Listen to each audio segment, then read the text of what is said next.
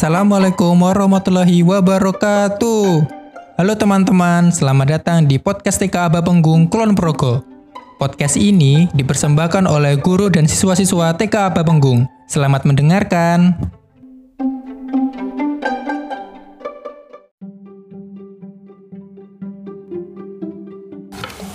Assalamualaikum warahmatullahi wabarakatuh.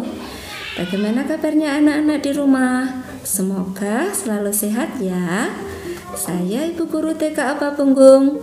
Pada podcast kali ini bertemakan sumber-sumber air. Terdapat banyak sumber-sumber air.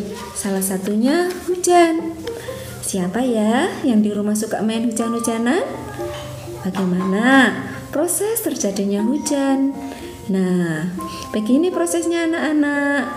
Hujan mulanya berasal dari air yang ada di permukaan bumi, seperti air laut, air danau, air sungai, dan sebagainya yang terkena sinar matahari. Kemudian, air tersebut menguap ke langit dengan bantuan angin. Maka terjadilah awan yang semakin lama semakin banyak sehingga berwarna gelap. Lalu terbentuklah butiran-butiran air. Karena berat dan tidak mampu ditopang angin, akhirnya jatuh ke bumi.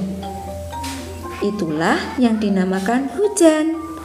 Biasanya ditandai kilat dan suara petir. Nah, begitulah anak-anak proses terjadinya hujan. Sampai jumpa di podcast selanjutnya. Wassalamualaikum warahmatullahi wabarakatuh. Dadah.